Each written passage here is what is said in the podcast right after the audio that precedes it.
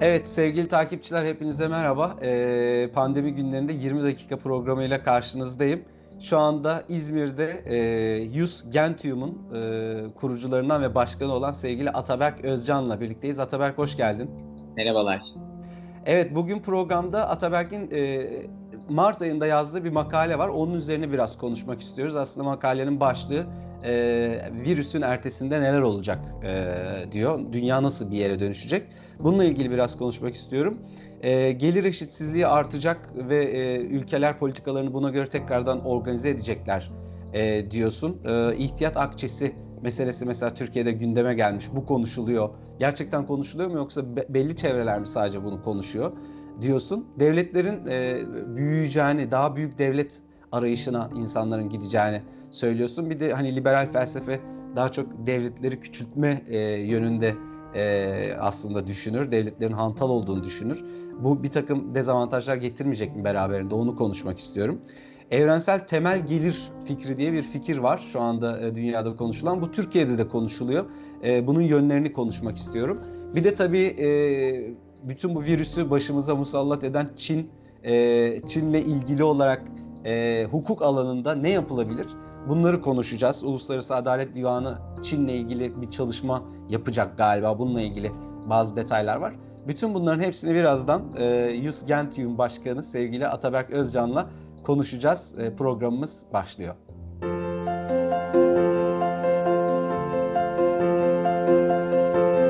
Brüksel'den merhaba. Yayınlarıma bir süre ara verdim. Çünkü Covid-19 ile mücadele kapsamında biliyorsunuz bir tecrit durumu var Avrupa'nın bütün ülkelerinde. Dünyanın farklı yerlerindeki insanlarla bir takım röportajlar gerçekleştireceğim. 20 dakika sürecek bu söyleşiler. Lütfen abone olmayı unutmayın. Aynı zamanda patreon.com'dan da destek olabilirsiniz bize ve yayınlarımıza. Çok teşekkür ediyoruz. Evet Ataberk şimdi ben makaleni büyük bir keyifle okudum. Aslında bu virüs sonrası e, meselesine dünyada her tarafta şu anda e, insanlar kafa yoruyorlar. Biliyorsun e, Homo sapiens'in yazarı da geçen gün, günlerde uzun bir makale yayınladı. Ne olacak virüsten sonra e, çeşitli yönleriyle. Burada da bir sürü dergide, gazetede e, bununla ilgili tabii şey çıkıyor Brüksel'de de yazılar çıkıyor. Dolayısıyla virüs sonrası hepimizin e, bir takım fikirleri var. Dünya nasıl bir yere gidecek diye. Senin de makaleni büyük bir keyifle okudum. O makaleden bazı bölümlerle başlayalım. Mesela diyorsun ki gelir eşitsizliği artacak e, ve bunu tekrar gözden geçirecek. Ülkeler politikalarını gözden geçirecekler, yeniden şekillendirecekler diyorsun. E, fakat bir taraftan da yani özellikle mesela işte bu sağlık ve kamu e, alanlarında ülkeler e, daha bilinçli olacaklar diyorsun ama mesela Amerika seçimleri için e, işte en sosyal devleti savunan mesela Bernie Sanders da seçimlerden çekildi mesela. Yani gerçekten e, ders alacağını düşünüyor musun dünyanın bu olaylardan? Mutlaka ders almak zorunda kalacak bir noktada. Değişime e, değişmek istemeyecek çok fazla hükümet, düzen e, var. E, ancak süreç birbiriyle çok fazla girint, e, girift içinde, e, iç içe. E, o yüzden yani en azından Çin'in e, bir şehrinde yaşanan bir olayın e, dünyanın bir diğer tarafındaki ülkeyi ne kadar etkileyebildiğini kanıtlıyor aslında Covid bize. E, mutlaka değişecektir. E, gelir eşitsizliği tabii ki de çok doğal artacak. E, şu an bile görüyoruz kendi e, ülkemizde de e, hissediyoruz. Bu Avrupa'da da böyle. Hükümetler e, büyük firmaları, şirketleri, e, dış ticaretlerini başında gelen e, aktörleri koruma amaçlı bir sürü e, aksiyon alıyorlar. E, örneğin Türkiye şu an üretime devam etmek için uğraşıyor. Ama tabii bunun yanı sıra bir de e, küçük esnaf dediğimiz, küçük işletmeler, kobiler, e, o kesim e, çok fazla etkileniyor. E, bu devletlerin sağladığı avantajlardan yararlanamıyor. Böylelikle e, aslında bir nebze Türkiye'de gördüğümüz, bugün çok fazla da e, Şili'de hissedebildiğimiz o gelir eşitsizliğinin, ortadaki orta sınıf e, yokluğunun, e, fakirle zengin arasındaki açıklığın gitgide e, artacağı bir döneme gidiyoruz. E, Peki tabii, devletler ya da ne bileyim partiler ya da ne bileyim parti politikaları e, gerçekten e, gerçekçi bir şekilde değişir mi? Mesela işte sağlık harcamalarında mesela şimdi bizim yaşadığımız Avrupa'da e, görece e, bir sosyal devlet anlayışı hakim e, ve bunun çok ciddi bir e, destekçisi de var yani halkta ve hani bu kriz döneminde de bunun faydasını da görüyor insanlar.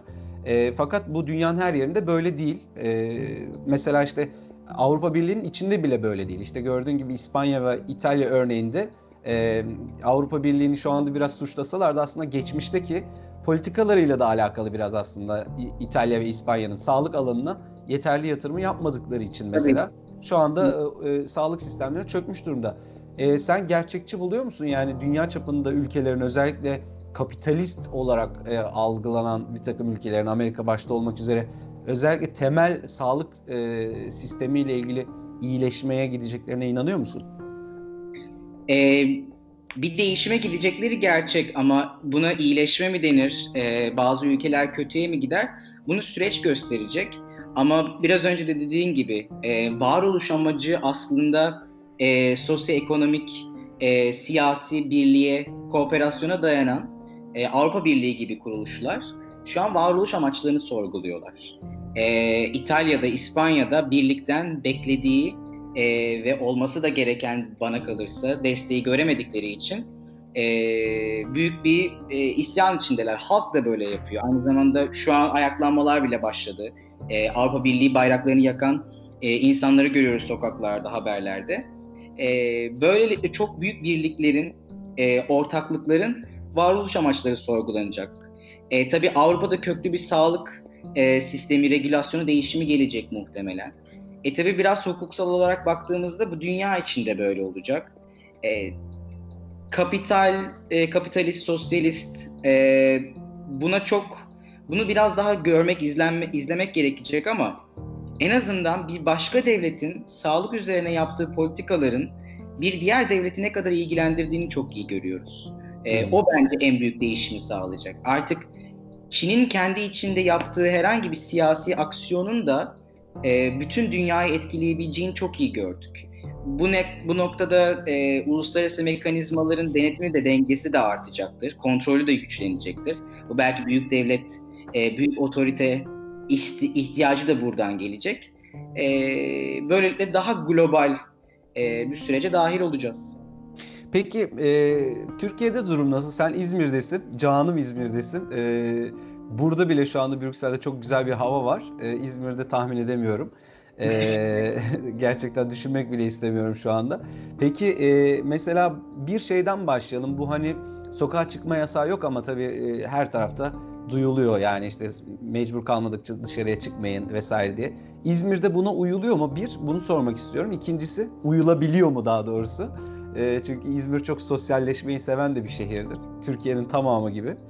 E, ikincisi bir de bu hani ekonomik olarak e, ihtiyat akçesi e, mesela meselesi gündeme geldi.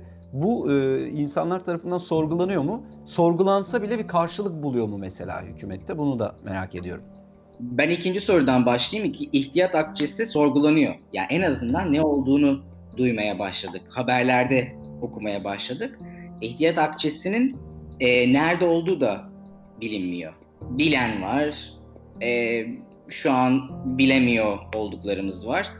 Yalnız bu şu bir gerçek ki ihtiyat akçesi devletlerin, özellikle Türkiye'nin e, böyle zor zamanlar için kenara koyduğu bir paradır. Böyle adlandırabiliriz. Bu paranın kefen, nerede kefen parası yani. Aynen öyle, kefen parası. Bu kefen parası bugün çok ihtiyacımız olan bir para. E, ama bağış topluyoruz. E, bu Elazığ depreminde de deprem vergileri sorgulandı. E, yine bağış toplandı. E, niye alındı? Alındı da nereye gitti? E, en azından sormaya başladığımız için ben mutluyum. Ama tabii sorunun cevabını alabiliyor muyuz? E, bence Türkiye'de birçok sorunun cevabını alamıyoruz. Ama şöyle bir şey değineyim. Sorma aksiyonunu almaya e, başlamış olmak bile çok güzel. İki, artık bunu sorduğumuzu e, başkaları da görüyor, duyuyor. Bazen e, bazı konjonktürlerde, zamanlarda bir soru sorardık devlete. Biz bir tek muhatap olurduk. Sorduğumuzda da kalırdık. Ama kimse bizim bu soruyu sorduğumuzu, bu e, olgunun peşinde olduğumuzu, takip ettiğimizi bilmezdi. En azından artık e, toplumda e, bu vergilerin, paranın nereye gittiğini e, sorduğumuzun farkında. E, bu çok güzel bir gelişme. Nereye götüreceğini yine zaman gösterecek. İzmir içinse evet burası çok sıcak. çok da güzel. E, ben uzun bir süredir evdeyim. Yani 30 günü aşkın bir süredir artık e, karantinadayım. Fransa'dan döndüğüm için de bir süre kendimi alıkoydum.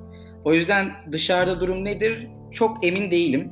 E, ama artık e, iyice kontrol altında olduğunu e, görüyorum, duyuyorum. E, bir de en büyük ikinci e, şehir Türkiye'de İzmir vakaların olduğu. 800-900 küsür e, vaka olması lazım. Korkutuyor tabii insanları. Evet. E, tabii sen Fransa'dan döndüm dedin. E, sık sık e, yurt dışına geliyorsun, Avrupa'ya geliyorsun. Özellikle Yus Gentium'un e, faaliyetleri için Brüksel'e de geliyorsun sık sık. Burada da görüşme fırsatımız oluyor. Peki şu anda mesela Yus Gentium'un faaliyetlerini e, online olarak sürdürebiliyor musunuz? Devam ediyor mu her şey? Konuşuyor musunuz? %90'ı durdu. Yani biz zaten eğitim verip e, verdiğimiz eğitimle e, genç liderleri, genç avukatları girmek istediği kurumları yerleştirmek için çalışıyoruz. Şu an pek mümkün değil bu. E, ancak verdiğimiz eğitimleri veya içinde bulunduğumuz network'ü e, biraz da olsa online'a taşıyıp şimdi webinarlarla, e, online seminerlerle e, hayata geçirmek için çalışıyoruz. Ama başka yapabileceğimiz çok bir şey yok. İnsana dokunan e, bir çalışma e, geleneğimiz var. Bunu bu düzende devam ettiremeyiz. E, beklemedeyiz şu an. Nadas evet. dönemi diyebiliriz. E, yine senin makalene geri döneceğim. E, virüs sonrası, virüsün ertesi günü ne olacak? E, güzel bir soru soruyorsun ve e, Covid-19 sonrası büyük devlet ihtiyacı e, olacak e, diyorsun ve büyük devlet anlayışına hatta e, devlet baba kavramına belki biraz daha yaklaşacağız diyorsun. E, şimdi burada şunu sormak istiyorum. Liberal felsefe bildiğin gibi aslında devleti küçültmeye çalışır. Yani devlet hantal bir yapıdır, başımızın belasıdır. Onu biz mümkün mertebe ne kadar küçültürsek, ne kadar e, piyasayı açarsak, e, devlet ne kadar e, küçük bir alanda e, aksiyon sergilerse o kadar iyi e, diyor. E, şimdi sen de diyorsun ki virüs sonrasında büyük devlet ihtiyacı daha da belirgin hale gelecek, daha da konuşulur hale gelecek. Büyüyen ve her noktaya temas eden, belki her noktada e, girişimde bulunan bir devlet aynı zamanda otoriterleşme potansiyeli de taşımaz mı? Yani e, biz zaten hani şu anda hala hazırda dünyada otoriter devletlerin e, ya, yaptığı bir takım yol kazalarından dolayı başımız sürekli e, belalara giriyorsa işte bunlardan birisi de belki yani Çin'deki hijyen koşullarının e, o kadar da iyi olmadığı için belki bu virüslerin oradan çıkması ya da başka ülkelerde. Yani virüs sonrası bu büyük devlet ihtiyacını dönüşecek olmak e, daha da korkutucu bir senaryo değil mi? O halde e, olağanüstü halde iki yıldan fazla yaşamış e, bir ülkenin vatandaşı olarak zaten bunu kesinlikle katılıyorum. Çok korkunç bir şey. E, devletin büyümesi diye adlandıramam ama otoriterleşmesi kesinlikle bunu getirir. Nitekim Fransa'da yaptığımız iş bizim uluslararası hukuk üzerine. Bu yüzden her ülkede bağlantıda olduğumuz avukatlar, siyasetçiler, hukukçular var. E, bugün de görüşüyoruz, konuşuyoruz. Bu makaleyi yazarken de konuştum. E, özellikle Orta Doğu ülkelerindeki ortaklarımızda büyük bir endişe hakim. Çünkü orada olağanüstü haller, e, sokağa çıkma yasallı, yasakları verildi. Parlamentolara e, olağanüstü haller verildi. E, güçler de verildi aynı zamanda. Bu birçok e, kesim için çok korkutucu. Ne yapacağını bilmiyoruz. E, ama şu da bir gerçek. Devlet dediğimiz bir ortak akıllı da temsil ettiği için böylesi zor zamanlarda birinin hemen kontrolü eline alıp işleri rayına sokması ihtiyacı hissediliyor. Bu sağlık alanında özellikle çok fazla. E, e, bunu bir kapitalin e, gücüne vermek çok sağlıklı olmayabilir. E, özellikle o ülkenin gelenekleri de çok önemli. Siyasi, ekonomik gelenekleri de keza önemli. E, bu noktada devletin büyüyeceği aşikar. Devlet babaya olan ihtiyaç fazlalığı, fazlalıkla artıyor. E, bir de bu süreçte devletin neyi yapıp neyi yapamadığını çok iyi görüyoruz. Artık e, biraz çıplak kaldı devlet bu noktada. Daha da çıplak kaldı. Çünkü acil durumdayız.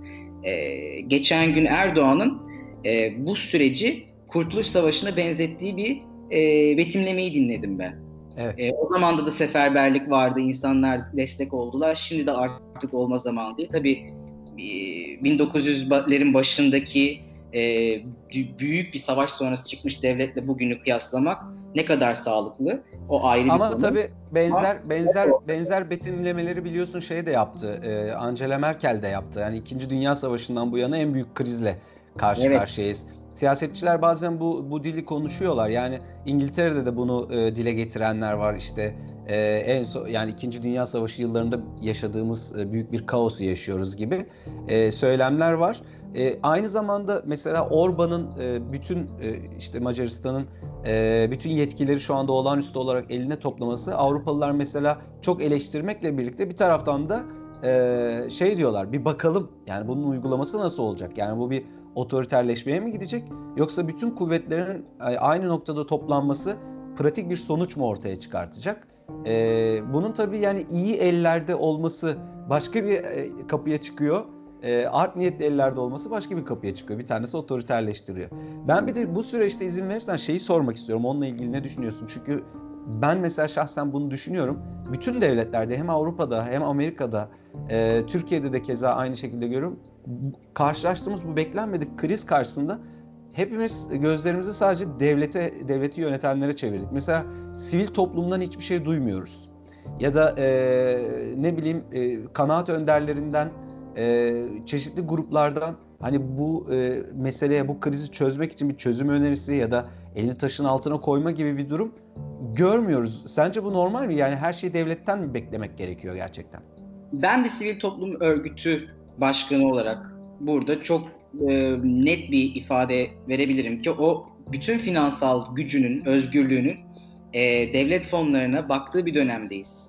E, STK'lar kendi kendini devamlılığını sürdürülebilir kılacak e, finansal çözümlere, e, sistemlere sahip değiller.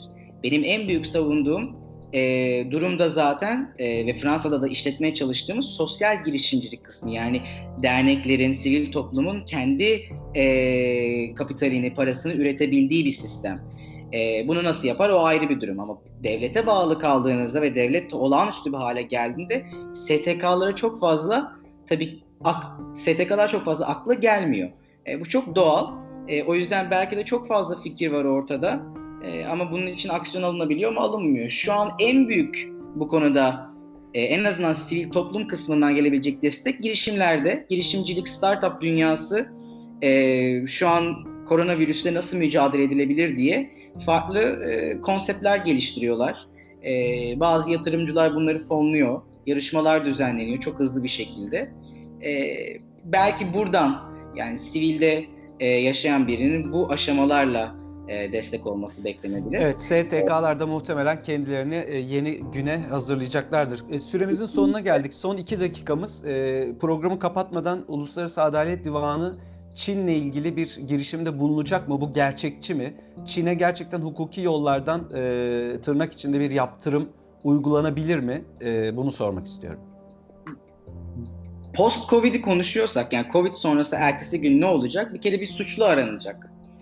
Herkesin gösterdiği farklı suçlular var. Amerika diyorlar, Çin diyorlar ama Çin çok fazla ön plana çıkan biri. Mutlaka ki adalet arayışı çıkacaktır uluslararası e, arenada. Bunun için e, haklı bir sebe- sebe- e, sebep var ki e, Çin e, Uluslararası e, Dünya Sağlık Örgütü'nün anayasasını ihlal etti. Bu e, virüs çıktıktan sonra belli süreler içinde e, bilgi vermesi gerekirken örgüte bu bilgiyi vermedi, kontrol altına da almadı. Bunun getireceği birçok hukuki sorumluluk var. E, Uluslararası e, Dünya Sağlık Örgütü'nden Uluslararası Adalet Divanı'na hızlı bir geçişle e, üst mahkemede davalar açılabilir. Ama maalesef e, bunun yaptırımı ne olacaktır? E, biz bunu araştırıyoruz. Özellikle Fransa'da da en büyük yaptığımız şu anki e, araştırmalarımızdan biri de bu. Velev ki gitti. E, Çin'in nasıl bir yaptırım olabilir? E, ama bunun bir adalet arayışı sürecektir. Uluslararası Adalet Divanı'nda da e, buna açık e, bir imkan var. Peki Dünya Sağlık Örgütü'nün e, Çin e, anayasayı ihlal etti e, dediği gibi başka suçladığı ülkelerde var mı şu anda direkt olarak? Hani siz de e, şu anda süreci iyi yönetemiyorsunuz dediği ülkeler var mı? Şu an için en büyük sıkıntı Çin'de. Çünkü Hı. dayandığı maddeler anayasadaki 63-64 e, maddeleri süresi içerisinde e, bildirim yapılmamasından kaynaklı. E, eğer ki diğer ülkelerde yapmışsa mutlaka onlar da çıkacaktır ama Dünya Sağlık Örgütü anayasasını en büyük ihlal eden ve bütün bu krize de yol açan Çin. Çin, Çin. üzerinden devam edecek muhtemelen ki uluslararası arenada da e, diplomatik olarak bu birçok ülkenin lehine olacaktır Çin'i suçlamak. Evet. Sevgili Ataberk Özcan, e, Yus Gentium Paris merkezli bir e, sivil toplum kuruluşu, e, hukukçu sevgili Ataberk Özcan İzmir'den programa katıldı. Çok teşekkür ediyorum. 20 dakikada bence çok güzel konulardan e, bahsettik. E, çok teşekkürler burada olduğun için. Çok keyifliydi. Çok teşekkür ederim. Tekrar görüşmek üzere. Hoşçakalın. Görüşürüz. Sen de Sıla gibi yaptın şu anda. Bunu yayınlayacağım. Gözümü devireyim.